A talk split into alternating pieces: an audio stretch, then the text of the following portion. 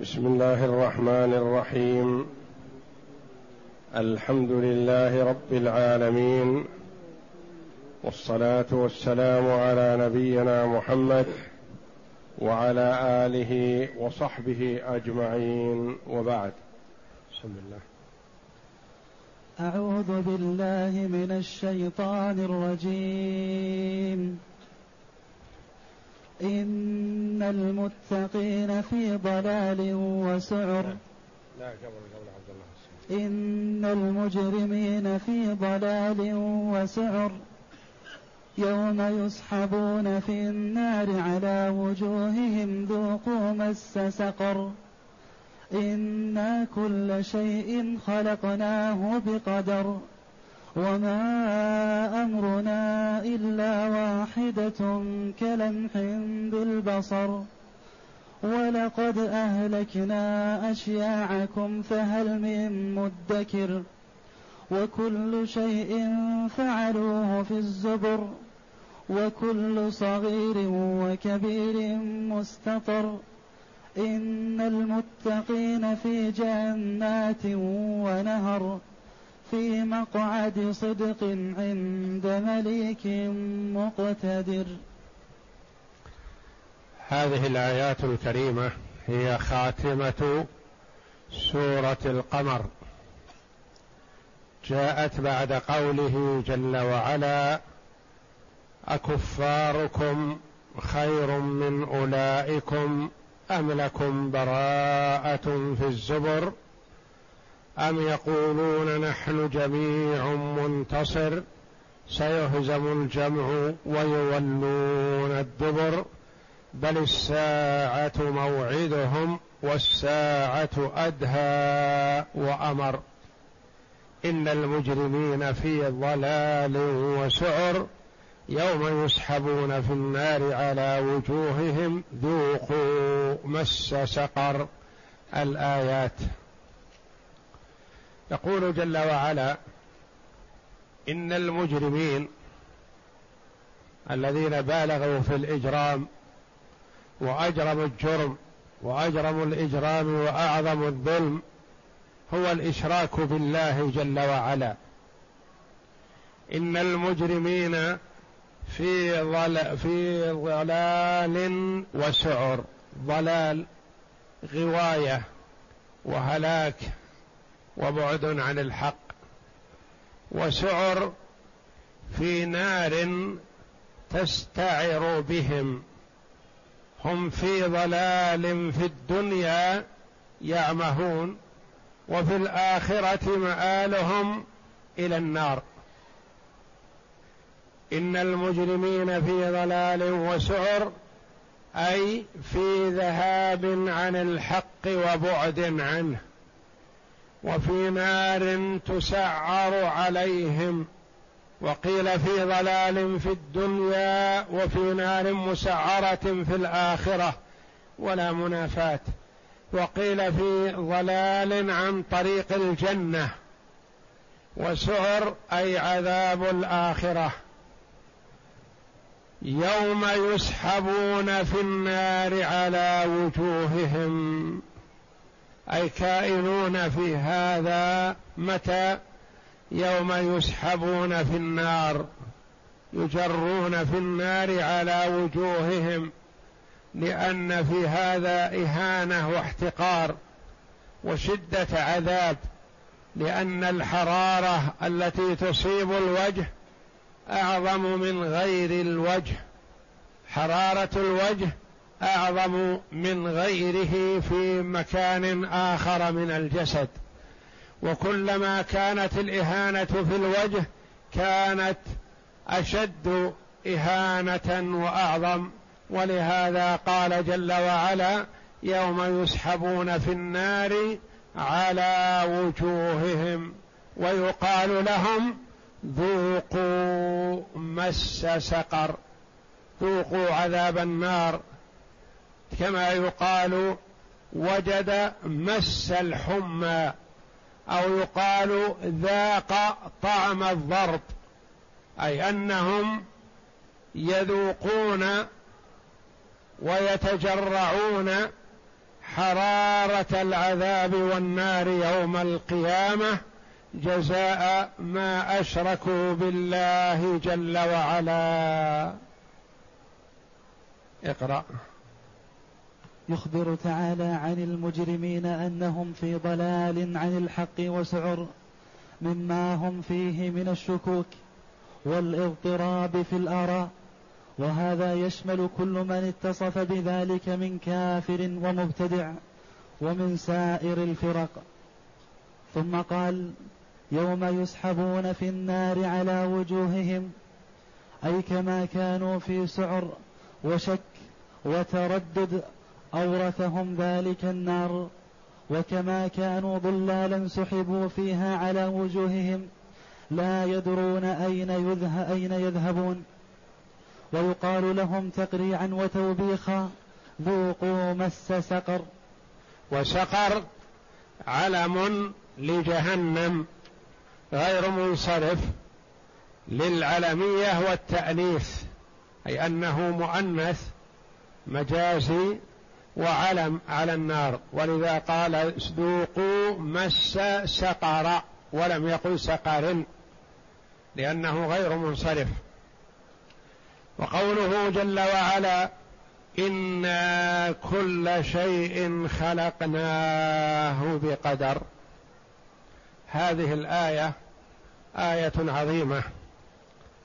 وفق للصواب فيها أهل السنة والجماعة وضل عنها طوائف كثيرة منحرفة عن الصراط المستقيم ويعرفون بالقدرية الضالون نفاة القدر.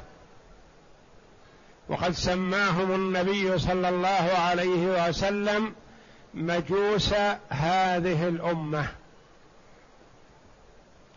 ومعنى الآية واضح والحمد لله.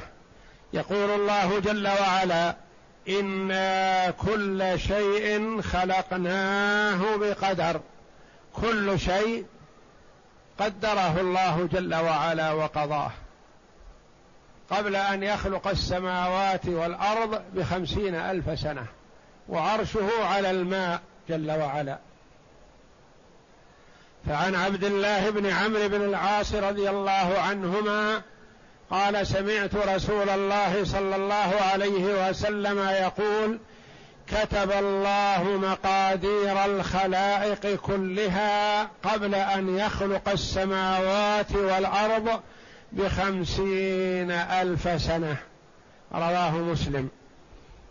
وعن جابر بن عبد الله رضي الله عنه قال قال رسول الله صلى الله عليه وسلم لا يؤمن أحدكم حتى يؤمن بالقدر خيره وشره.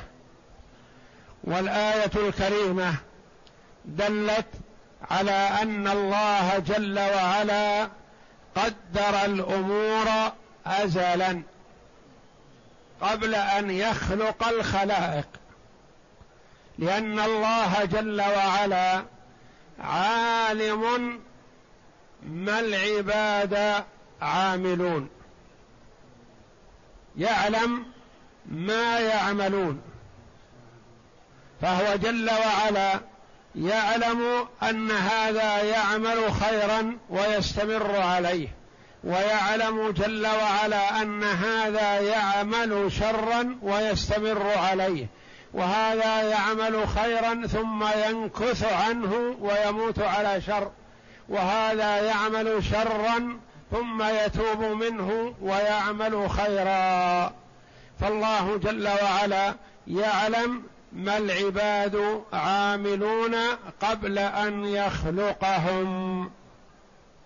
قال الإمام الخطابي رحمه الله وقد يحسب كثير من الناس أن معنى القضاء والقدر إجبار الله العبد وقهره على ما قدره وقضاه وليس الأمر كما يتوهمون وإنما معناه الإخبار عن تقدم علم الله تعالى بما يكون من أكساب العباد وصدورها عن تقدير منه وخلق, لها خيرها وخلق لها خيرها وشرها.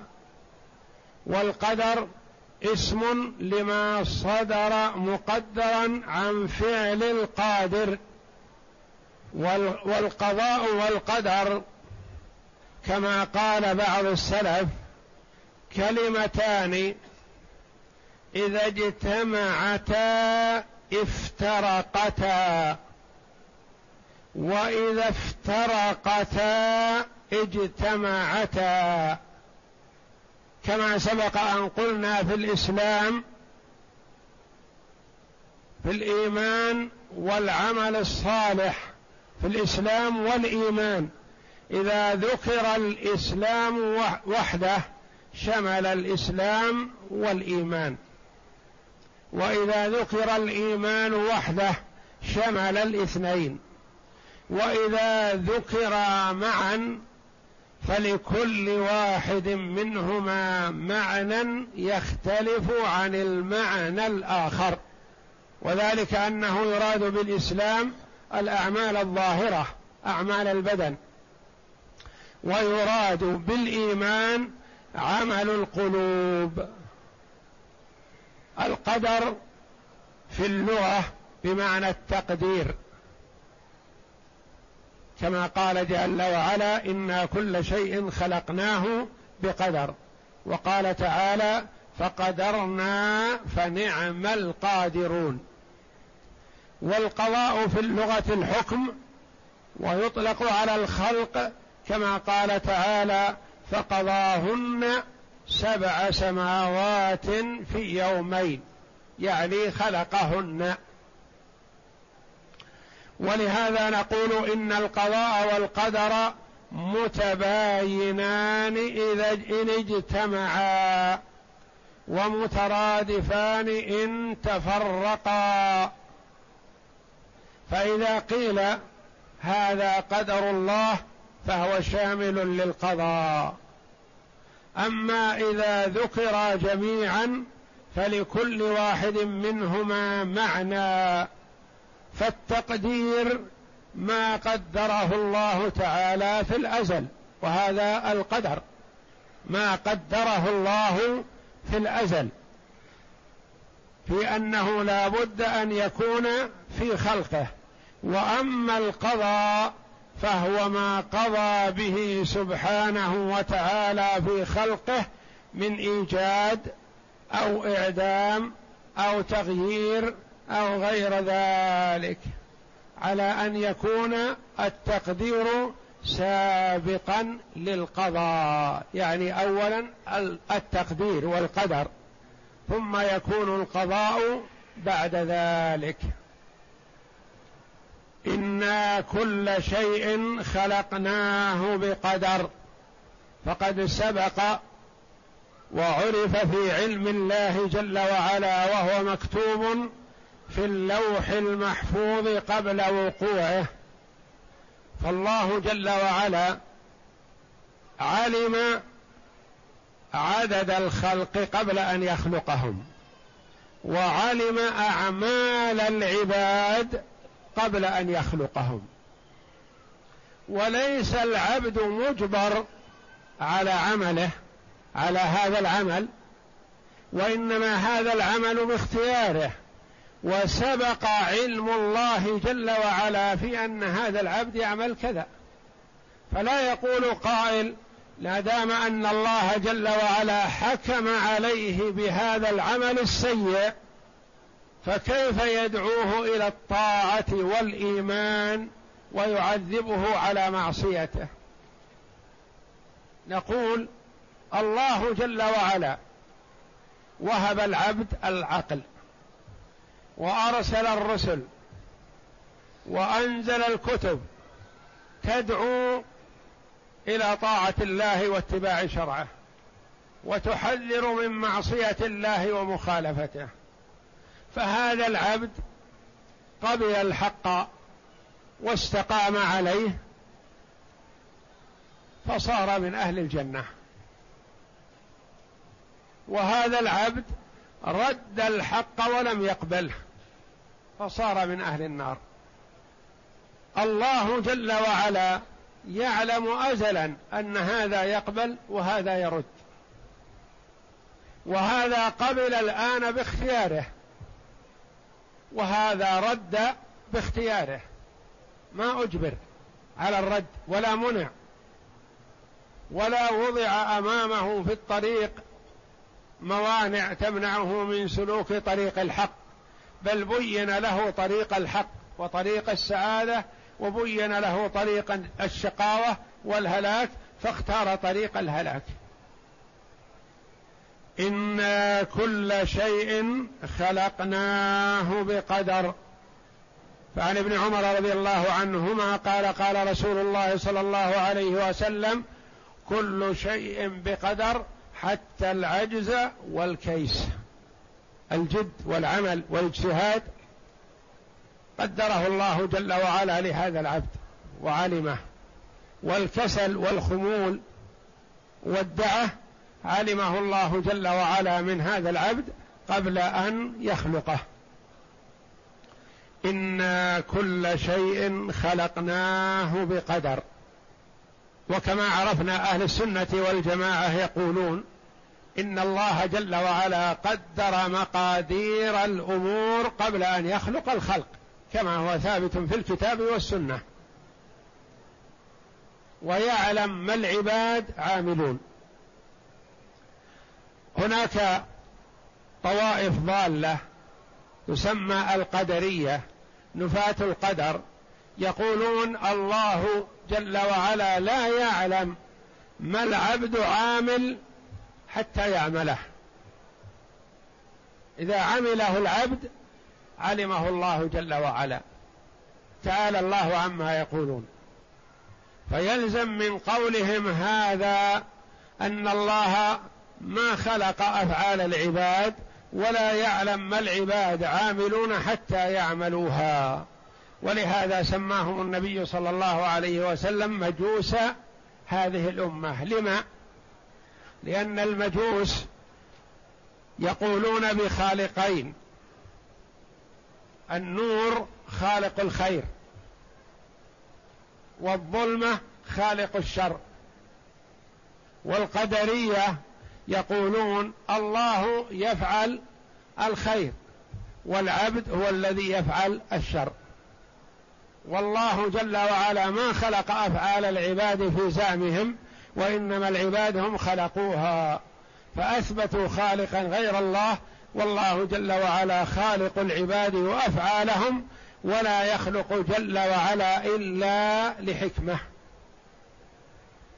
قال النووي رحمه الله إن مذهب أهل الحق إثبات القدر ومعناه أن الله تعالى قدر الأشياء في القدم وعلم سبحانه أنها ستقع في أوقات معلومة عنده سبحانه على صفات مخصوصة فهي تقع على حسب ما قدرها الله وأنكرت القدرية هذا. وزعمت أنه سبحانه لم يقدرها ولم يتقدم علمه بها وأنها مستأنفة العلم أي أنها مستأنفة يعني جديدة يحدثها العباد. أي إنما يعلمها سبحانه بعد وقوعها. وكذبوا على الله سبحانه وتعالى تعالى وتقدس عن أقوالهم الباطلة علوا كبيرا. انتهى كلام النووي رحمه الله. وقد تظاهرت الأدلة القطعية من الكتاب والسنة وإجماع الصحابة وأهل العقد والحل من السلف والخلف على إثبات قدر الله جل وعلا وقد قرر ذلك أئمة السنة أحسن تقرير بدلائله القطعية السمعية والعقلية. فعلى العبد أن يؤمن بأن الله جل وعلا قدر الأمور قبل أن يخلق الخلق. وعليه أن يؤمن أن ما أصابه لم يكن ليخطئه وما أخطأه لم يكن ليصيبه.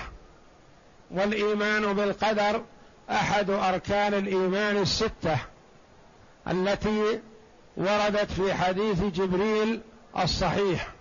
حينما جاء يسأل النبي صلى الله عليه وسلم عن الإسلام والإيمان والإحسان فقال الإيمان أن تؤمن بالله وملائكته وكتبه ورسله واليوم الآخر الذي هو البعث وبالقدر خيره وشره. ولا يذوق عبد حلاوة الإيمان حتى يعلم أن ما أصابه لم يكن ليخطئه وما أخطأه لم يكن ليصيبه لأن كل شيء بقدر الله جل وعلا قدره ازلا ولا بد أن يقع مهما فر عنه العبد والشيء الذي لم يقدر له مهما طلبه العبد لا يحصل له. ودل عليه قوله صلى الله عليه وسلم واعلم أن الأمة لو اجتمعوا على أن ينفعوك بشيء لم ينفعوك إلا بشيء قد قدره الله لك كتبه الله لك ولن يضروك بشيء إلا بشيء قد كتبه الله عليك. رفعت الأقلام وجفت الصحف أو كما قال صلى الله عليه وسلم. إنا كل شيء خلقناه بقدر كقوله وخلق كل شيء. كل هذه منصوبة. على الاشتغال يعني بفعل مقدر انا خلقنا كل شيء وخلقناه بقدر يفسر المحذوف. نعم. وخلق كل شيء فقدره تقديرا وكقوله سبح اسم ربك الأعلى الذي خلق فسوى والذي قدر فهدى. أي قدر قدرا وهدى الخلائق إليه. ولهذا يستدل بهذه الآية الكريمة أئمة السنة على إثبات قدر الله السابق لخلقه وهو علمه الأشياء قبل كونها وكتابته لها قبل برئها. وردوا بهذه الآية وبما شاكلها من الآيات وما ورد في معناها من الأحاديث الثابته الثابتة على الفرقة القدرية الذين نبغوا في آخر عصر الصحابة وقد تكلمنا عن هذا المقام مفصلا وما ورد فيه من الأحاديث في شرح كتاب الإيمان من صحيح البخاري رحمه الله ولنذكر ها هنا الأحاديث المتعلقة بهذه الآية الكريمة. قوله تعالى وما أمرنا وما أمرنا إلا واحدة كلمح بالبصر أي أن الله جل وعلا إذا أراد شيئا أمر به أمرة واحدة يعني ما يحتاج إلى تكرير ولا يحتاج إلى تأكيد وإنما يأمر به جل وعلا فيكون كما قدره الله جل وعلا كلمح بالبصر. لمح البصر اغراء الطرف الإرماش بالعين. يعني أنه بمقدار هذه أو أقل منها يكون ما أراده الله جل وعلا وأمر به. ثم توعد جل وعلا الكفار عموما فقال ولقد أهلكنا اشياعكم أي أشباهكم ونظراءكم من الأمم السابقة. فإن لم تؤمنوا فمآلكم كمآلهم سواء بسواء. وقيل المراد بأشياعكم وقد ولقد أهلكنا أشياعكم المراد بأشياعكم أتباعكم. الذين هم أتباع لكم وأعوان لكم الذين أنتم تعتمدون عليهم أهلكهم الله جل وعلا. فهل من مدكر؟ هل من متعظ؟ هل من متعظ بهذه المواعظ ومنزجر عن معصية الله جل وعلا وعامل بطاعته؟ ثم قال جل وعلا وكل شيء فعلوه في الزبر. كل شيء فعلوه في الزبر. قيل المراد بالزبر هنا اللوح المحفوظ. وقيل المراد بالزبر الكتب وهي صحائف الملائكة التي تكتب الأعمال. فيكون على الأول كل شيء فعلوه في الزبر يعني هو مقدر عليهم في اللوح المحفوظ مكتوب وعلى القول الثاني كل شيء فعلوه في الزبر جميع أعمالهم مسطرة عليهم. تسطرها الملائكة وتكتبها وتحفظها ثم يثابون على الحسن ويعاقبون على القبيح. وكل شيء فعلوه في الزبر وكل صغير وكبير مستطر. كل شيء مكتوب ما قدموه من الأعمال. صغيرها وكبيرها كلها مكتوبة. فمن يعمل مثقال ذرة خيرا يره.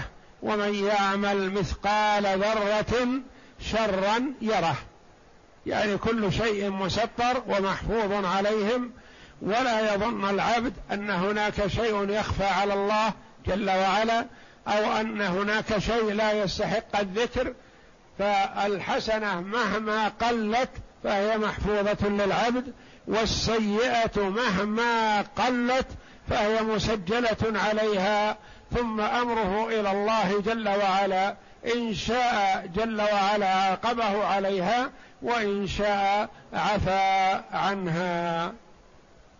ثم ختم هذه السورة الكريمة بما أعده الله جل وعلا للمتقين بقوله إن المتقين في جنات ونهر.